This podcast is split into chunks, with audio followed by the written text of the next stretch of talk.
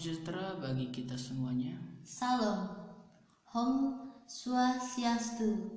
Namo Buddhaya, Salam kebajikan. Ya, tema malam ini episode 2 direspon rekaman setiap penikmat obrolan. Mantap. Tema hari ini kita akan angkat tentang sebenarnya berat, tapi kita ngomongin soal cinta tanpa bisa memiliki asih. Cinta tanpa bisa memiliki itu tema kita hari ini. Coba, apa itu cinta kalau kata? Cinta adalah kedamaian. Cinta adalah sebuah kebahagiaan yang hakiki dan utuh. Cinta itu bisa membuatmu merasa sangat sedih karena takut kehilangan. Cinta selalu datang sepaket dengan keinginan untuk selalu menjaga.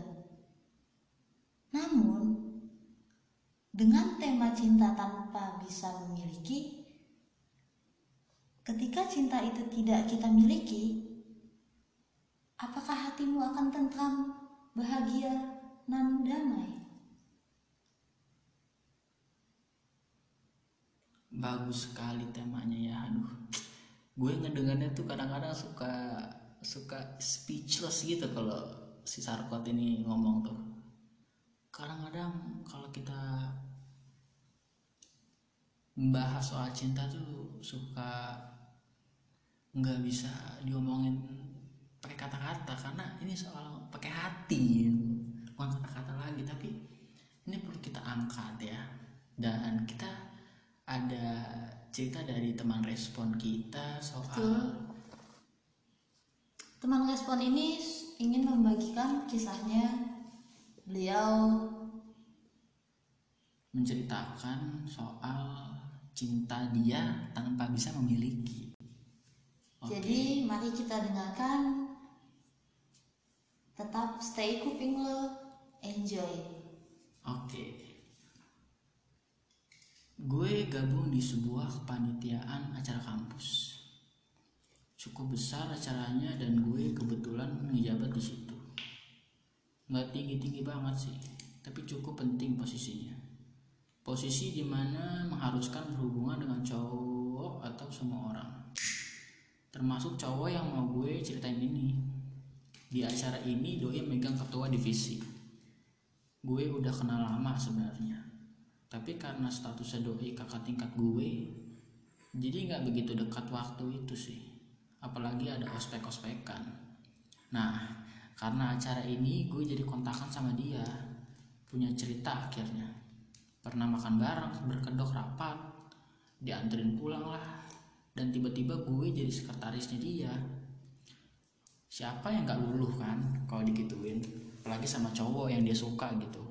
Dan mungkin ini belum dia sukain tapi udah mulai timbul-timbul rasa suka gitu. Oke lanjut lagi. Tapi karena acara ini masih butuh banyak anggota maka doi nyuruh gue buat narik narikin temen buat join divisi dia. Jadi kayak dia itu bantuin sama temen-temen yang respon ini buat cerita tuh nge- buat ngajak gitu loh. Nah dan gue mengiyakan.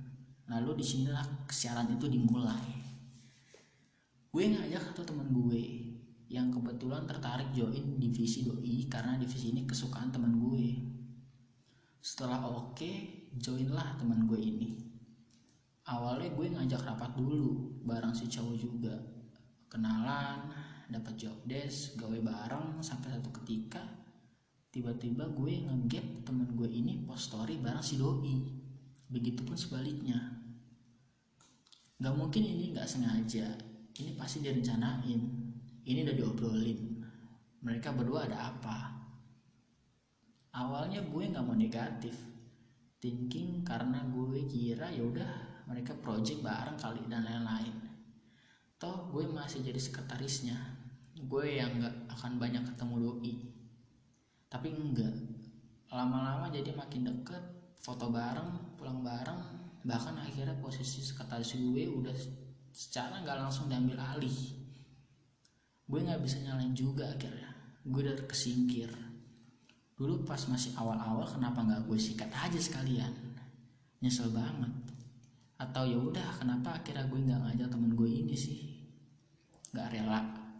Ya adalah jelas. Gue lebih kenal duluan sama si cowok. Tapi akhirnya nggak memutuskan gue yang dekat sama si cowok. Gue cinta tapi nggak bisa memiliki alias kesingkir bos. Kalah cantik kalah pinter nggak bisa nyanyi bukan buta bahasa kayak temen gue.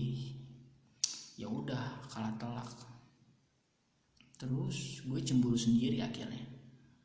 Mereka suka post foto berdua sekarang di story IG atau di tempat-tempat lain.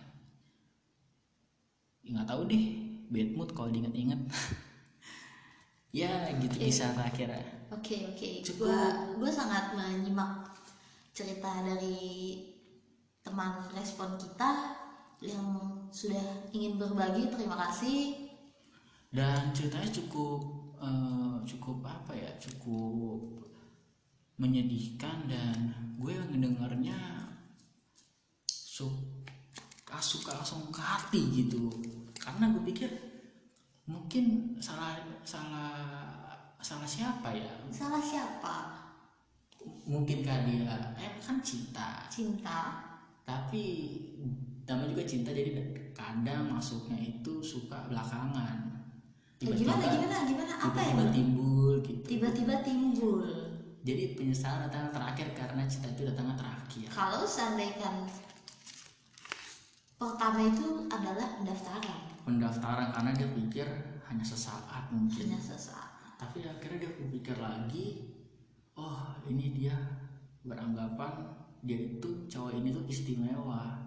Sebenarnya seperti ini, kalau menurut gua dari kaca pemikiran gua, dia itu itulah dia kesalip dengan eh, temennya ini. temannya. Temannya satu kepanitiaan, iya kan? Mengapa dia kesalip? Karena mungkin pertama dia itu sudah menaruh harapan dan respek besar kepada si cowok ini pria yang dia sukai. Kemudian begonya lagi adalah gue membegokan cewek ini cewek ini karena saat dia sudah tahu hitungannya tanda kutip lah ada kedekatan pria yang dia suka dengan orang lain. iya walaupun Dia dia, malah- lebih kenal duluan Oh iya, walaupun dia lebih kenal duluan. Yang iya mah cewek ini kenapa kenapa harus eh, diam, banyak berpikir tanpa mau maju atau mundur. betul Jadi dia itu stuck di situ aja.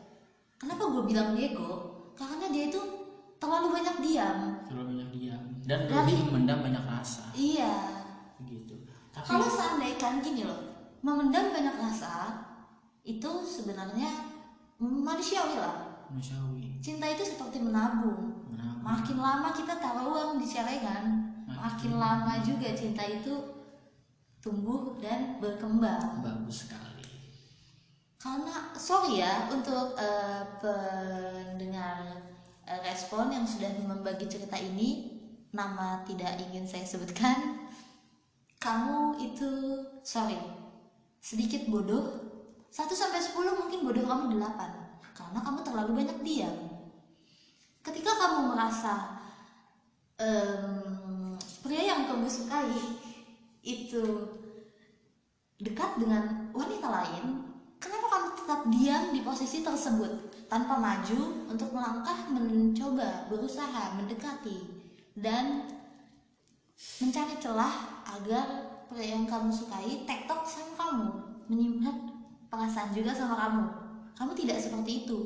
Kamu pun tidak mundur untuk langsung, "Oh, wow, daripada gue eh, ujung-ujung sakit hati, gue mundur aja deh. Enggak. Tapi- kamu hanya memperhatikan. tapi di sini dia bercerita kalau si cewek temannya ini dia daftar dan dia seperti teman yang respon ini dia ya sama-sama ikuti visi lah. Mungkin salahnya gue di sini cowoknya ini lebih pure naruh hati ke temennya teman respon ini. Begitu kata gue. Gini loh. Hmm, ada seseorang pria yang pernah bilang sama gua bahwa cewek itu memang bisa memilih, tapi tetap yang menentukan adalah pria. gitu cewek bisa memilih tapi yang harus menentukan adalah pria Iya. poin pertama kita teman Poin pertama, cewek memilih, cowok menentukan. betul sekali Gua seandaikan gua memilih nih cowok A untuk menjadi pasangan gua. Tapi yang tetap menentukan jadi atau enggak enggaknya adalah si pria. Karena memang pria adalah pemegang andil besar dalam pasangan. dalam berhubungan juga Oke, kalau soal berhubungan memang enggak juga. Enggak seperti itu.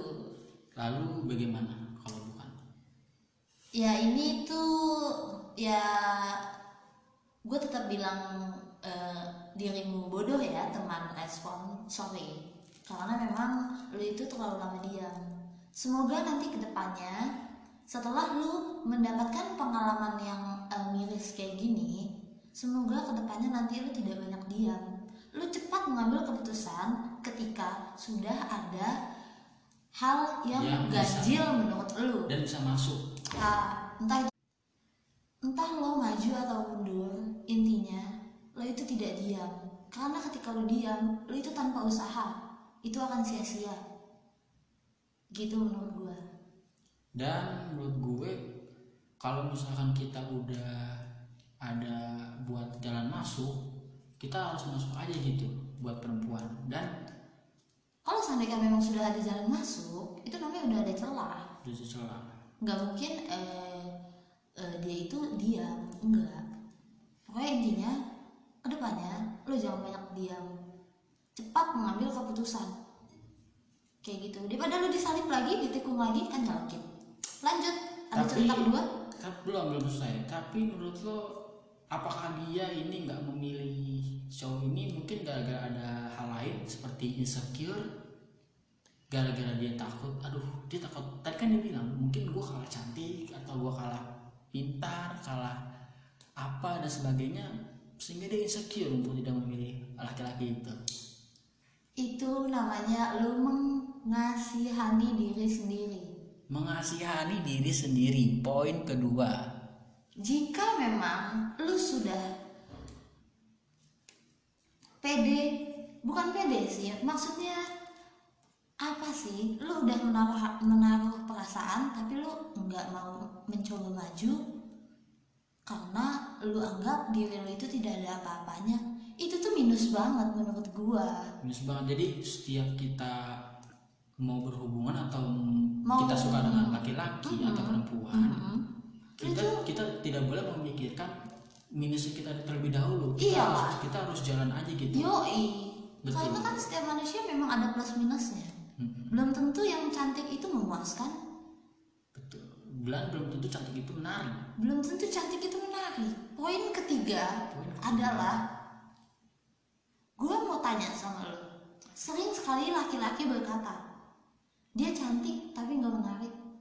Dia biasa aja tapi bikin gue seru-seran. Dia menarik banget menurut gue. Apa maksudnya? maksud gue itu kenapa seperti itu mungkin salah satunya kita melihat cantik tapi tidak menarik mungkin tidak menariknya dia berkelakuan yang tidak seperti kita cowok suka Oh, seperti dia kita tidak suka aja dia tidak dia tidak wangi mhm. kan cewek tidak suka Hmm. oh my god. Untung aku malam ini wangi sekali. iya aku juga Aku di podcast ini walaupun tidak bertemu dengan kalian, wangi sekali. Dan balik lagi walaupun cewek suka cowok yang wangi tapi cowok juga suka cewek yang wangi mungkin sebabnya cantik tapi tidak menarik mungkin salah satunya berkelakuan yang tidak menarik bagi laki-laki Ah, itu oke oke oke. mungkin salah satunya itu Oke, gue memahami itu sekarang. Eh, makanya dari itu mungkin eh, lanjutan ini sudah selesai dan mungkin Wow, ada cerita kedua nih yang baru Iya. masuk. Coba coba, silahkan anda bacakan pria. oh gue yang- lagi gua Iya, bacalah. Kau kan seorang pria. oke siap. Cerita kedua ini kayaknya cerita anak SMA ya. Yang Iya. ngirimin ini tuh anak SMA. tapi tidak mau juga disebutin namanya Eh, jangan. oke teman respon kita yang kedua menceritakan lagi Silahkan. Baik kita sebut aja Gina dulu waktu SMA Ini inisial. inisial. Oke. baru naik kelas 11 dia bertemu dengan sosok laki-laki yang menurut Gina adalah tipenya.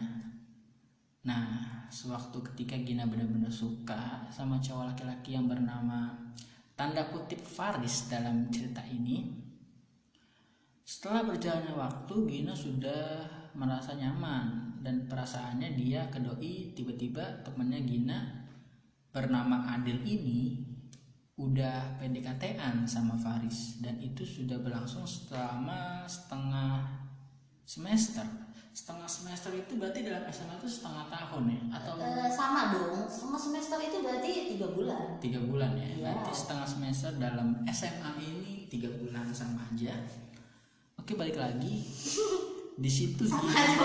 Sorry, teman respon. Eh bodoh, satu semester itu enam bulan. S- SMA, SMP, kuliah, jenjang apa pun Oh, iya. sama kocak. sorry gue nggak tahu kan Aduh, mari kita tertawakan. Prok, prok, prok. Lanjut. lanjut ya oke di situ Gina merasa kesal tapi Gina nggak pernah cerita tentang perasaannya terhadap Faris ke siapa pun Wow. Lalu Gina ini berusaha untuk ya it's okay sampai Gina nyomblangin Faris sama Adel setelah itu mereka jadian Gina cuman bisa memandang Faris dari kejauhan terutama Gina lebih suka lagi kalau Faris main futsal Wow.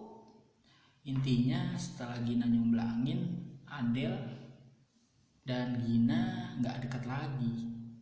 Lalu mereka berdua putus.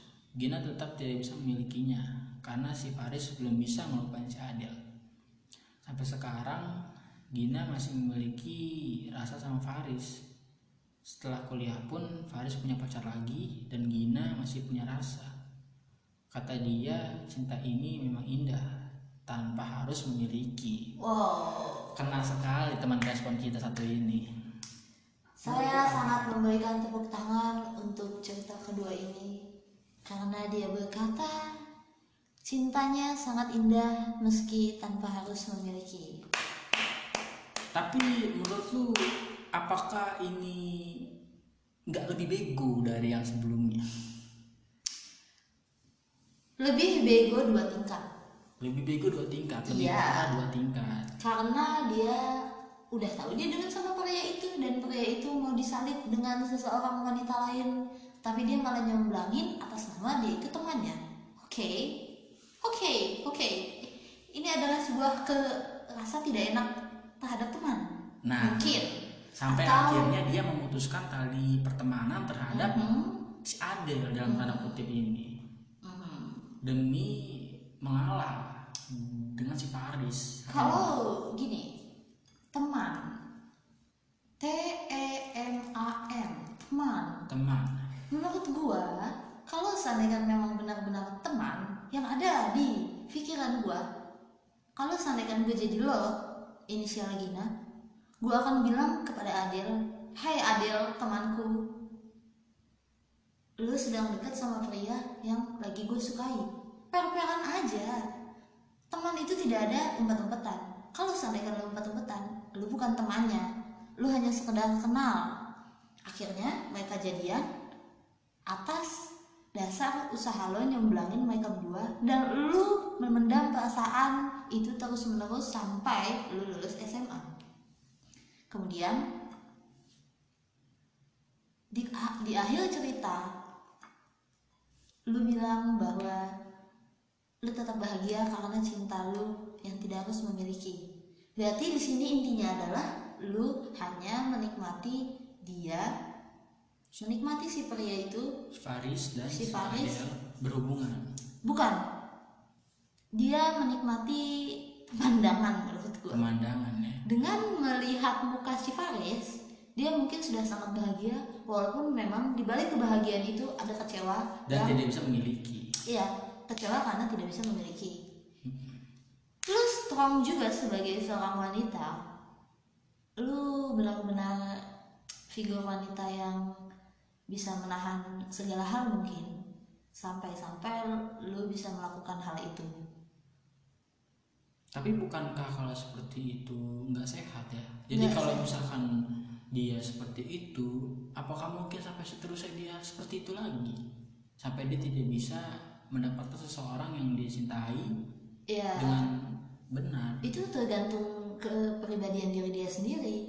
Kalau memang dia masih tidak bisa beranjak dari waktu yang lama walaupun dengan seseorang yang berbeda tapi fase dia. Sampaikan seperti ini. Dari Bogor kita ingin ke Jakarta. Bertemu em, band siapa gitu? Oke. band rock. Oke. Rumah gue di Bogor gue ingin ke Jakarta bertemu band rock. Band rock. Band aliran rock. Anggap aja seperti itu tapi gue nggak pernah jalan untuk bertemu dengan band rock itu. Gue nggak pernah otw ke Jakarta.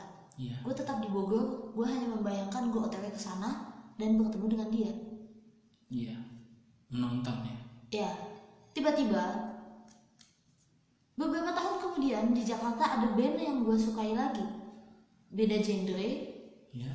Anggap aja band yang genrenya jazz. Yes oke. Tapi gue masih dengan keadaan gue sebelumnya yang tidak ingin OTW mungkin karena Mengingat. kepanasan.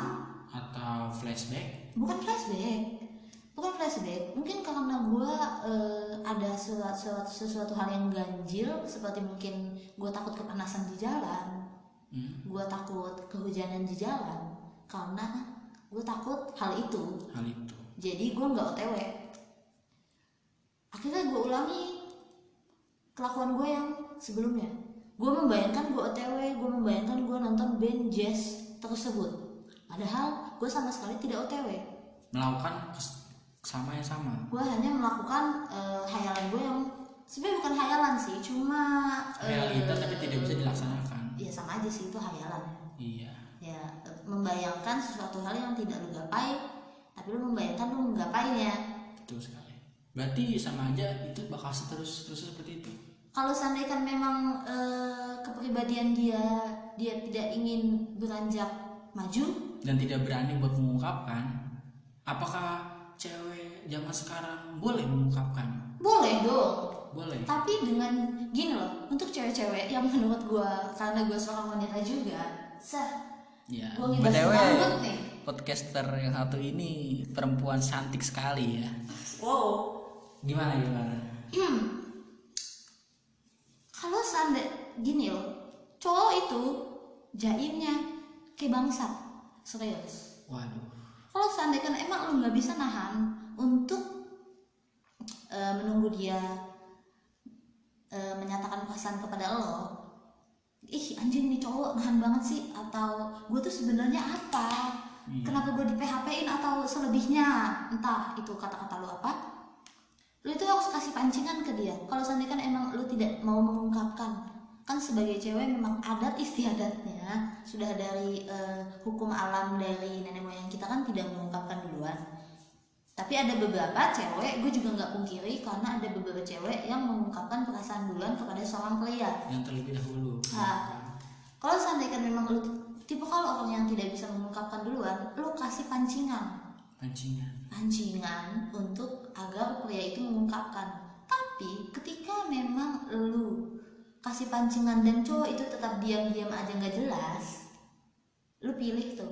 Lu mau tetap maju mengungkapkan biar hati lu plong atau lu pilih mundur aja? Daripada gue ngungkapin tensin juga gue mending gue mundur aja lah. Lagian cowok ini nggak jelas gue cari aja yang lain. Kayak gitu lu tuh harus setiap hal itu ada pilihan A pilihan B. Lu itu hidup di tengah-tengah jadi lu harus jalan ke A atau ke B. Ketika lu diem aja lu tidak akan mendapatkan apa-apa dan sia-sia. Oke? Terima kasih untuk cerita kedua. Bagus sekali sahabat. Mantap. Cerita kedua sudah selesai dan oke kita jangan lanjut cerita lagi karena gue itu mau membahas soal cinta tanpa bisa memiliki eh, ke cinta. Menurut gue cinta tanpa bisa memiliki itu banyak hal Banyak. Bukan karena kan cerita kedua ini tuh menurut gue keadaannya itu sama cuma versinya berbeda. Berbeda. Keadaannya kenapa gue bilang keadaannya sama? Karena mereka berdua itu sama-sama tidak mengungkapkan perasaan mereka kepada pria yang mereka sukai. Betul. Tapi cinta yang tanpa harus memiliki itu bukan cuma sebatas lo tidak bisa mengungkapkan kepada seseorang. Tidak. Lalu bagaimana tuh? Ada hal lain kita itu hidup dengan agama yang berbeda-beda. Adat istiadat yang berbeda-beda. Adat istiadat yang berbeda-beda. Suku sifat bangsa. suku dan sifat yang berbeda-beda juga. Ya, karena hidup ini seperti pelangi, indah, harus berbeda-beda. Kalau warnanya putih doang bosan, warna abu-abu doang bosan, warnanya merah doang boring. Jadi berbeda-beda itu penting. Namun perbedaan itu kadang-kadang menjadi hal yang eh, benar-benar menekan kita untuk gimana ya gue ngomongnya? Untuk bertindak yang benar-benar gimana nih gimana nih? Lu nggak ingin bertindak hal itu. Contohnya cinta tanpa harus memiliki pertama adalah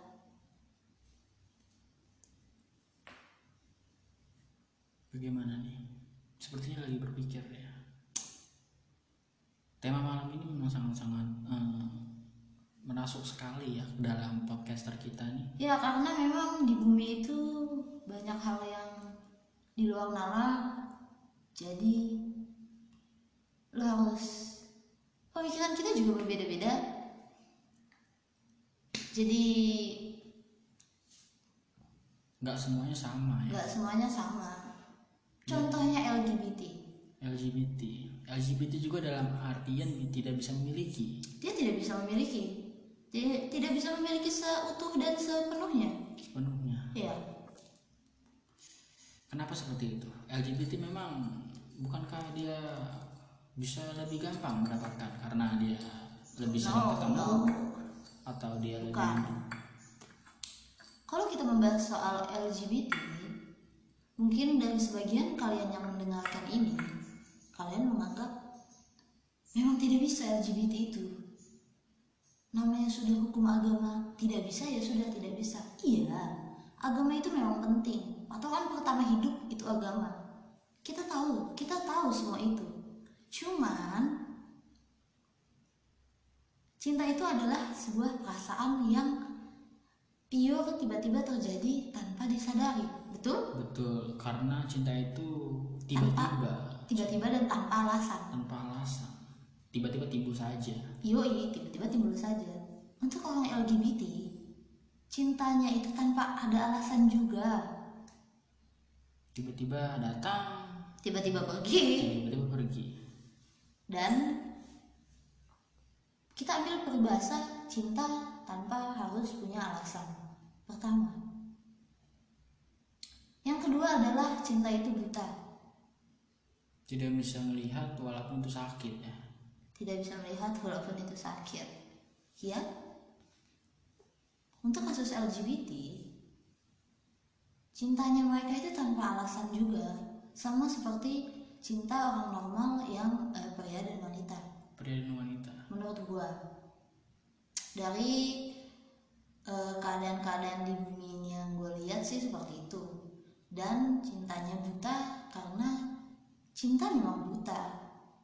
Untuk apa pengorbanan kalau cinta bisa melihat? Mantap. Betul? Betul banget. Ha.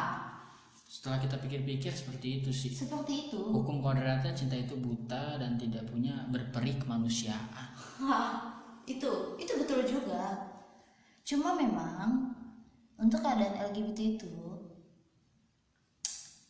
ketika perempuan dan wanita berhubungan di luar pernikahan mereka itu bisa dihalalkan dengan cara menikah. Setelah meni- mereka menikah, mereka melakukan kesalahan berhubungan di luar pernikahan. Ya, jadi sebelum nikah dia sudah bermain. Iya, kemudian mereka itu eh, untuk antara pria dan wanita itu bisa disahkan dengan cara menikah. Menikah. Namun kalau LGBT dia berhubungan di luar pernikahan. Tidak, tapi dia itu tidak bisa ada alasan untuk hubungan dia itu sah karena memang di agama kan tidak boleh Tidak menikah boleh eh, sesama jenis. sama jenis. Berarti kalau tidak boleh sama jenis apakah sama aja seperti di negara-negara yang idealis? Jadi hanya tinggal saja gitu. tinggal bareng gitu. Kalau di negara selain Indonesia itu ada yang eh, pernikahan sesama jenis. Gua nggak tahu itu pernikahannya eh, agama eh, di garis bawahi agama apa tidak tahu. Namun peraturan negaranya memang seperti itu. Tapi untuk agama yang gua anut gua menganut agama muslim di agama muslim itu tidak ada keterangan LGBT itu bisa disahkan. Betul Oke. sekali. Dan kita harus tahu itu ya. Nah, makanya menurut gua cinta tanpa harus memiliki untuk kasus LGBT itu memang benar-benar penuh terjadi. Penuh terjadi. Karena gue membayangkan LGBT itu sama dengan dia itu mencintai angin. Mencintai angin. Jadi apakah tidak lu melihat. bisa Yoi. walaupun lu mencintai angin apakah lu bisa melihat angin apakah lu bisa memeluk angin Apakah bisa menggapai angin? apakah lu bisa menggapai angin tidak Tidak.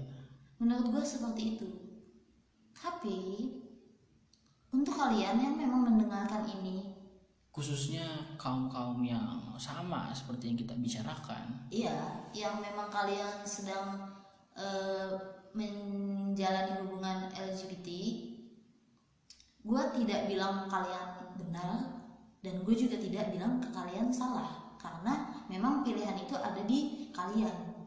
Perasaan itu tidak ada yang salah, tapi semua ada peraturannya masing-masing. Karena kalau seandainya memang hidup itu tidak ada peraturan, kita Maka- tidak akan menjadi eh, generasi maju seperti sekarang. Akan terombang ambing dunia kalau Iya. misalkan tidak ada aturan. Walaupun Terombang aturan ambing.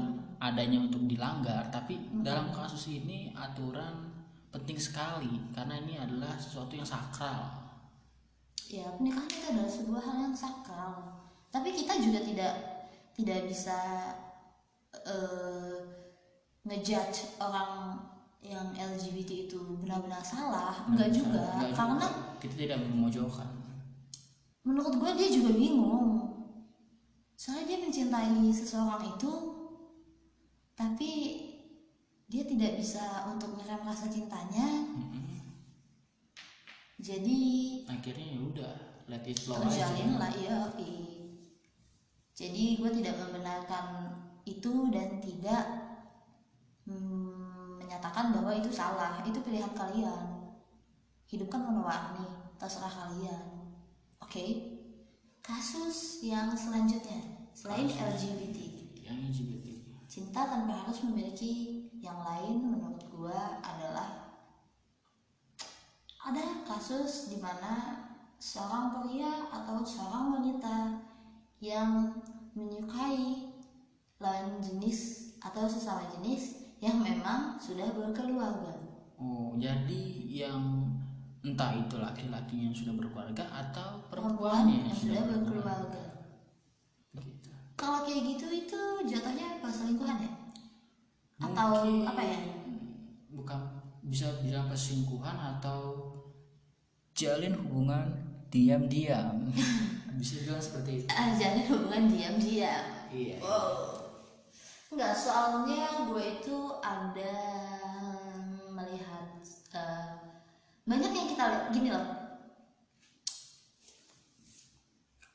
Kita itu memiliki mata dan telinga. Mata kita untuk melihat, telinga untuk mendengar. dan pikiran kita untuk berpikir. Jadi di bumi ini tuh banyak sekali cerita, banyak sekali eh, keadaan yang memang di luar nalar. dan itu bisa kita tahu dengan kita lihat dan kita dengar Iya, kita lihat, kita dengar, dan kita pikirkan dengan positif atau negatif. Iya gak? betul banget Kalau positif doang nggak seimbang. nggak seimbang Hidup lu nggak ada negatifnya nggak seimbang juga. jadi yin dan yang Yin, ya, wah. iya Bacotan bapak gua tuh yin dan yang. Iya, betul. Hidup harus seimbang. maka dari itu kalau misalkan eh, perempuan dan laki-laki entah perempuan yang sudah berkeluarga atau laki-laki yang sudah berkeluarga tapi menjalin hubungan Itu juga tidak kita salahkan Tidak dan salahkan. kita tidak benarkan. tetapi walaupun seperti itu ya kita harus berpikiran secara otak nalar kita itu sesuatu yang tidak tidak sinkron dengan keadaan di negara Indonesia ini Tapi gini loh, eh, men, ada hor- hormon gue pernah main di sesuatu lingkungan. Dari salah satu lingkungan itu ada orang seorang wanita. Seorang wanita itu hormonnya memang dia itu sangat menyukai eh, pria yang sudah berkeluarga. Oh, Jadi sugar daddy berarti eh, sugar daddy. Oke. oke oke dia itu memang tidak ada eh, respect kepada cowok-cowok yang belum menikah contohnya lu Mm-mm. Walau- jadi dia tidak ada ketertarikan sama sekali buat orang-orang yang Hmm. walaupun memang pria yang belum menikah ini mungkin sudah melakukan hubungan intim tapi dia benar-benar tidak bisa eh, menyukai pria tersebut malah dia lebih menyukai pria yang sudah berkeluarga sudah berkeluarga Tidak tahu mengapa. Saya juga bingung. Karena saya tidak pernah merasakan itu. dan saya juga tidak mungkin iya iya iya iya iya Tapi tetap kita tidak menyalahkan dan membenarkan. Jadi gini loh, inti pembicaraan kita itu kita membahas cinta tanpa harus bisa memiliki yang kita tidak menyalahkan dan membenarkan kasus-kasus yang lagi kita bahas. bahas Karena memang gue ingetin lagi perasaan itu tidak ada alasan. Cinta itu datang timbul begitu saja tanpa alasan. betul sekali Dan yang kedua itu yang terparah cinta itu buta. cinta itu buta dan yang ketiga menurut gue itu cinta itu mutlak Mutlak. cinta itu Cinta itu mutlak. iya iya cinta itu mutlak kalau misalkan dia udah suka ya udah suka Ya udah suka. walaupun yang tadi kita dengar dengan sahabat podcaster kita respon walaupun tidak bisa memiliki dengan tema kita juga tapi ya Kalau udah suka, ya udah. udah suka walaupun dengan sesakit apa pun itu kita rasakan Uh, walaupun hasilnya mengecewakan, tapi tetap dia ada sisi bahagia. betul banget Uh, itu hidup seimbang. hidup seimbang Tapi jangan berlebihan karena itu tidak baik. iya Oke, kita lanjut tadi seseorang yang menyukai seseorang yang sudah menikah. Yang sudah menikah. Menurut lu gimana tuh? menurut gue ya banyak juga ya kayak gitu. Mm-mm, dan gue menemukannya juga. Mm-mm, dia lebih suka sama om-om mungkin karena salah satunya dia lebih diturutin dengan mungkin materi. Lebih kelihatannya yang seperti materi yang kita yang gue lihat ya apa yang kita lihat karena kalau Tapi misalkan- sorry gue potong. apa tuh Nggak semua perempuan, gue bukannya membenarkan eh, perempuan ya tidak. Cuman yang gue lihat adalah tidak semua perempuan yang eh, jalan dengan seseorang pria yang sudah menikah itu mm, mengincar materi. Nggak semua. Nggak semua. Ya memang rata-rata dari 100% 80 persennya mungkin ke situ. ada Cuman 20 persennya adalah dia benar-benar pure menyukai pria yang Seperti sudah itu. menikah. Iya iya ada memang seperti tapi ya kita omonginnya ini 80% yang seperti itu dan 20% nya yang Iya. seperti itu Entah itu pria yang sudah menikah statusnya masih menikah atau duda. Atau duda. Atau gimana nggak paham. Cuma memang ada ada ada orang yang kayak gitu. dan itu tidak bisa memiliki. Ya memang tidak bisa memiliki. Karena mungkin dia berhubungan tanpa harus menikah dan jalan begitu saja. Tidak ada komitmen untuk melanjutkan ke jenjang yang serius. Cuman hanya ya kita sebagai teman dekat atau pacaran lebih tepatnya sehingga ya udah kalau misalnya begitu mau di mana pun juga kalau kita udah nggak bisa memiliki kita hanya bisa merasakan seperti kita memiliki Tapi gue garis bawahi untuk eh, yang soal ini menyukai yang sudah berkeluarga. Kalau memang hormon lu menyukai eh, seseorang yang sudah berkeluarga, ataupun yang LGBT eh, enggak ini beda be- be- eh, beda pembahasan. beda bahasa Kalau yang LGBT itu tadi sudah dijelaskan, lu itu harus berpikir tidak bisa disahkan. Pilihan itu memang berat karena memang lu tidak bisa disahkan. Tapi kalau memang lu ingin memperjuangkan cinta lu tetap seperti itu, ya gue cuma bilang salut. Oke lanjut ke yang Kita lanjut ke yang mm, menyukai seseorang yang sedang berkeluarga, eh, punya keluarga. iya. Menurut gua gua sih ya kalau untuk kasus ini lu jangan egois. Gua tahu perasaan itu tanpa alasan gua tahu cinta itu buta gua tahu cinta itu mutlak cuman lu pikirin lagi deh kalau seandainya kan memang lu ada di posisi lu yang sudah berkeluarga kemudian seseorang yang lu kasih bermain dengan yang lain itu kan pasti hancur banget hancur banget jadi kita janganlah merugikan orang lain. Kalau untuk kasus ini tuh lu gimana ya? Jangan merugikan orang lain. Maksud gua, lu bakal ngancurin keluarga orang men kalau lu jalan sama orang yang sudah berkeluarga. Ya gue tahu mungkin alasan lu ada alasan lain yang benar-benar pure. Ya oke, oke, itu it's okay. Eh, terserah lu. Cuma menurut gua kasihan lah karena memang sudah punya keluarga soalnya keluarga itu benar-benar sebuah penopang jalannya masa depan anaknya dan menopang suatu ibadah juga ya. Ya iya. Jadi mau di gimana pun juga antara cewek dan cowoknya harus sama-sama berpikir krisis kritis maksud gue bukan krisis. Iya. Eh, jadi kita harus tahu kalau Jadi- batas kita itu udah nggak wajar Heeh. udah nggak baik udah nggak sehat Enggak jadi coba deh lu cari yang duda. Kalau seandainya kan emang hormon ya gue bahas soal hormon yang memang lu menyukai dia yang sudah berkeluarga lu cari ya pria yang duda atau wanita yang janda terserah lu. Yang penting dia benar-benar sudah plong tidak mempunyai keluarga yang sedang dia bangun yang sedang dia jalani. Betul. Karena kalau seandainya kan lu ngambilnya yang masih eh, menyukainya target lu yang masih memiliki keluarga kasihan anak-anaknya. Betul sekali kasih anak-anaknya. Karena eh, bagi anak itu keluarga itu awal awal hidup awal masa depan awal pemikiran awal sikap dan awal keberhasilan. Itu keluarga menurut gua. Ya gua gua bisa ngomong kayak gini sih soalnya hmm, kita bisa melihat ya ya gue ngeliat dan gue gimana ya kan gue gue jadi ngomongin diri gue nih. Gue itu hidup di keluarga yang tidak memiliki ayah yatim.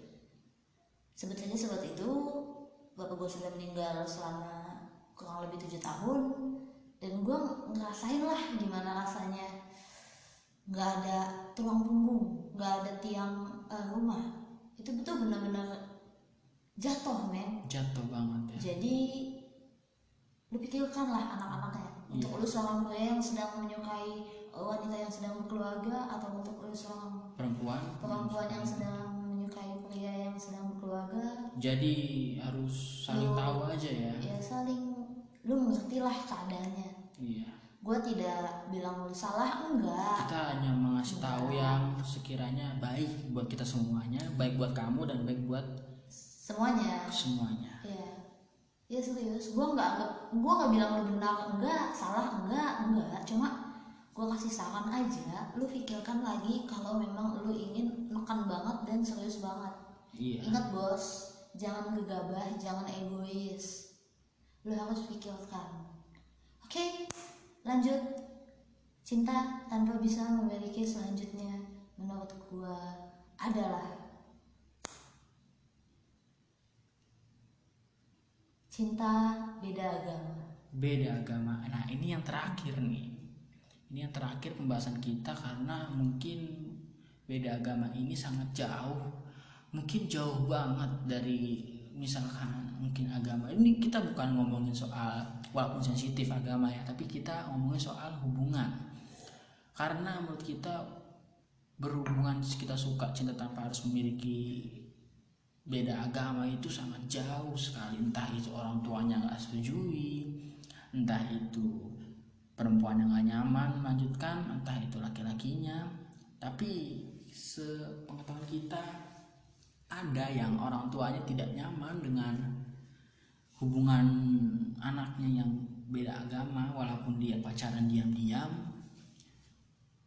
Kita tidak bisa memaksakan. Tapi ya begitu saja. Kita harus mengasih tahu sebaik-baiknya kalau pacaran beda agama atau berhubungan beda agama itu sama aja kayak cinta tanpa memiliki tanpa bisa memiliki. Ya memang. Em, cinta beda agama itu menurut gua tergantung dari eh, perspektif dan pemikiran masing-masing. Untuk orang tua yang mengetahui anaknya berbeda agama berpacaran berbeda agama dan sedang melakukan hal yang ke jalan serius itu sebagian orang tua ada yang setuju sebagian orang tua ada yang terserah sebagian orang tua ada yang memang benar-benar tidak. Jangan cari yang satu akidah. Satu tidak Hmm. tapi menurut gua agama itu kan adalah sebuah patokan hidup betul banget sakral ya Nikah itu menyatukan kedua belah pihak. Sebenarnya kalau seandainya kita bahas soal cinta tidak bisa memiliki, cinta tanpa bisa memiliki di kasus beda agama ini benar-benar bingung juga. Sama bingungnya kayak kasus-kasus sebelumnya. Sebelumnya. Nggak salah. Untuk lo yang memang lagi eh, menjalani cinta beda agama lo yang sudah menikah dengan perbedaan agama tersebut lo yang lagi lari dari kenyataan karena lo memang tidak sanggup mungkin ini jadi kita acungi jempol sebesar-besarnya Iya, untuk iya. kamu kamu seperti ini ya Iya. Ci- Seseorang yang merasakan cinta itu harus diacungin jempol karena memang ada sebuah perjuangan dan pengorbanan di situ. Dan dalam kasus yang beda agama ini sama seperti sebelumnya tidak membenarkan dan tidak menyalahkan juga. Tidak juga Namun untuk yang satu ini ya agama adalah patokan hidup.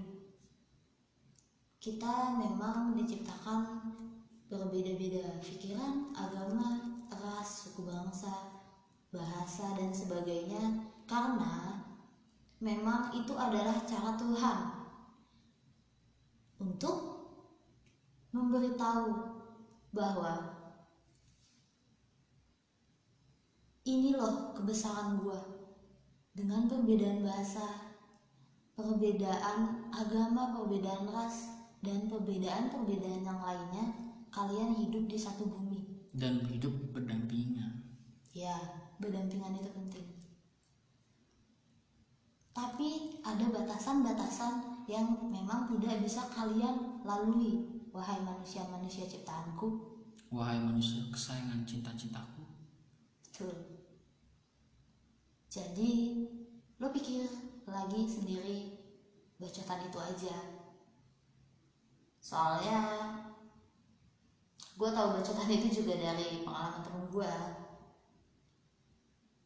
Dia, kita dia, memang ngambil pertanyaan dan kasus ini rata-rata dari permasalahan yang terjadi antara teman-teman kita podcast-podcast yang mengirimkan itu pun kebanyakan ada yang kita tahu, yang kita rasakan, kita luangkan lah di sini. Mhm. Ya, jadi bacotan kita nggak sepenuhnya dari gagasan dan ide kita, enggak. Ini tuh sebagian dari memang eh, gagasan kita dan sebagian lagi dari kalian-kalian semua yang memang sudah berbagi dan apa yang kita lihat. Oke, kita lanjut. Beda agama. Gue memiliki teman yang memang sudah menikah dalam kasus cinta Beda beda agama. gue ngeliat dia saling melengkapi benar-benar sahabat cuman memang di setiap perayaan yang eh, simbol agama mereka mereka saling bahagia. Namun juga saling kecewa. Seperti pada cerita di awal tadi Gina berkata bahagia dalam perasaan dia. Namun dibalik itu ada kecewa. Iya. Jadi Menurut ada gua- suka dan duka lah ya. Iya iya, setiap hal ada suka dan duka. Setiap hal itu pasti seimbang. Cuman ya untuk kasus perasaan ya lu tergantung dari elunya sih. Semua itu tergantung dari pola pikir lu. Lu memilih yang mana? lu tetap perjuangin cinta lu oke lu lanjut pacaran LGBT cinta beda agama atau eh, dengan eh, seseorang yang sudah menikah atau lu tetap memandang perasaan lu sampai kapan pun itu terserah lu Hmm. ketika lu puas dan nyaman dengan hal itu ya itu terserah lu tapi dibalik itu semua please kadang-kadang lu harus berpikir untuk mengurungkan sisi egois lu Betul, sisi niat yang tidak baik lah. Bukan tidak baik jangan bilang tidak baik. Ketika kita sedang egois kadang-kadang kita itu perlu mengurungkan sisi egois kita untuk berpikir lagi agar kita tidak salah dalam melangkah kesal oke oke oke. Nggak semuanya akan berjalan baik.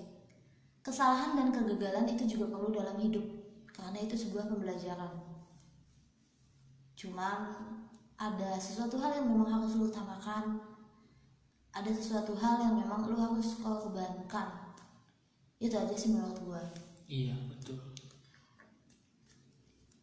Dan maka dari itulah kita ada di sini untuk bercerita, mengasih tahu dan saling sharing tepatnya. Yap. Ah, gue juga punya sebuah eh, kasus nih. Sorry, tadi dibilang ini adalah kasus terakhir kita. Ada sebuah kasus lagi nih yang eh, lupa kita bicarakan, yaitu adalah apa namanya? Menurut bahasa lu?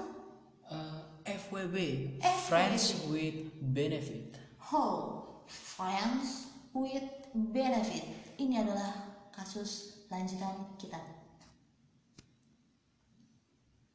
Eh, Sangat, bisa dijelaskan? sangat mungkin kaum kaum yang FWB-an itu Coba coba. ini Enggak, sangat lu jelasin dulu ini. FWB itu masuknya itu ke arah mana ini? mungkin ini ke arah yang lebih intim tapi Lebih intim. dia beranggapan itu nyaman aja contohnya itu seperti hubungan apa ya antara dia misalkan eh, teman teman misalkan gue punya teman dan Iya. teman itu ya lebih intinya sih teman dekat ya. Mhm, teman dekat antara dia dan gue mhm. mempunyai hubungan tapi lebih dalam. Tanpa status? Tanpa status lebih tepatnya karena dia nyamannya seperti itu mungkin. Nyamannya tanpa status? Iya iya iya iya. Nyamannya tanpa status benefit berarti ada keuntungan masing-masing iya. Yang didapat dari eh, hubungan tanpa status. Iya. Oke, untuk yang kasus ini sih menurut gua please jangan egois lu pikirin lagi. Karena memang em, lu harus tahu tujuan lu apa. dan jangan terlalu nyaman uh, seperti itu. Mungkin emang nyaman tapi seperti kasus sebelumnya lama kelamaan lu bakal tahu kalau ini tuh nggak baik buat lu Mhm. Oke, intinya dalam percintaan adalah jangan lu terlalu terlena dalam kenyamanan lu. Walaupun cinta membuat bahagia, lu harus berpikir lagi di balik bahagia itu ada lawan kata apa. betul banget Dan lu itu harus eh, pahami soal itu.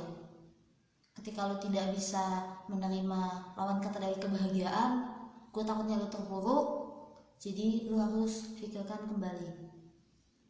Ya, mungkin itu aja yang kita sampaikan malam tema ini untuk kasus tema kita yang cinta tanpa bisa memiliki. Betul. Selalu dengerin podcast kita. Gua harap kuping lo nggak bosen. Mohon maaf bila perkataan kurang berkenan. Sampai, Sampai jumpa, jumpa lagi di di episode episode selanjutnya. Gue sayang sama lo semua. Bye. Bye. Dan thank you banget yang udah ngirimin ceritanya untuk berbagi. Love you.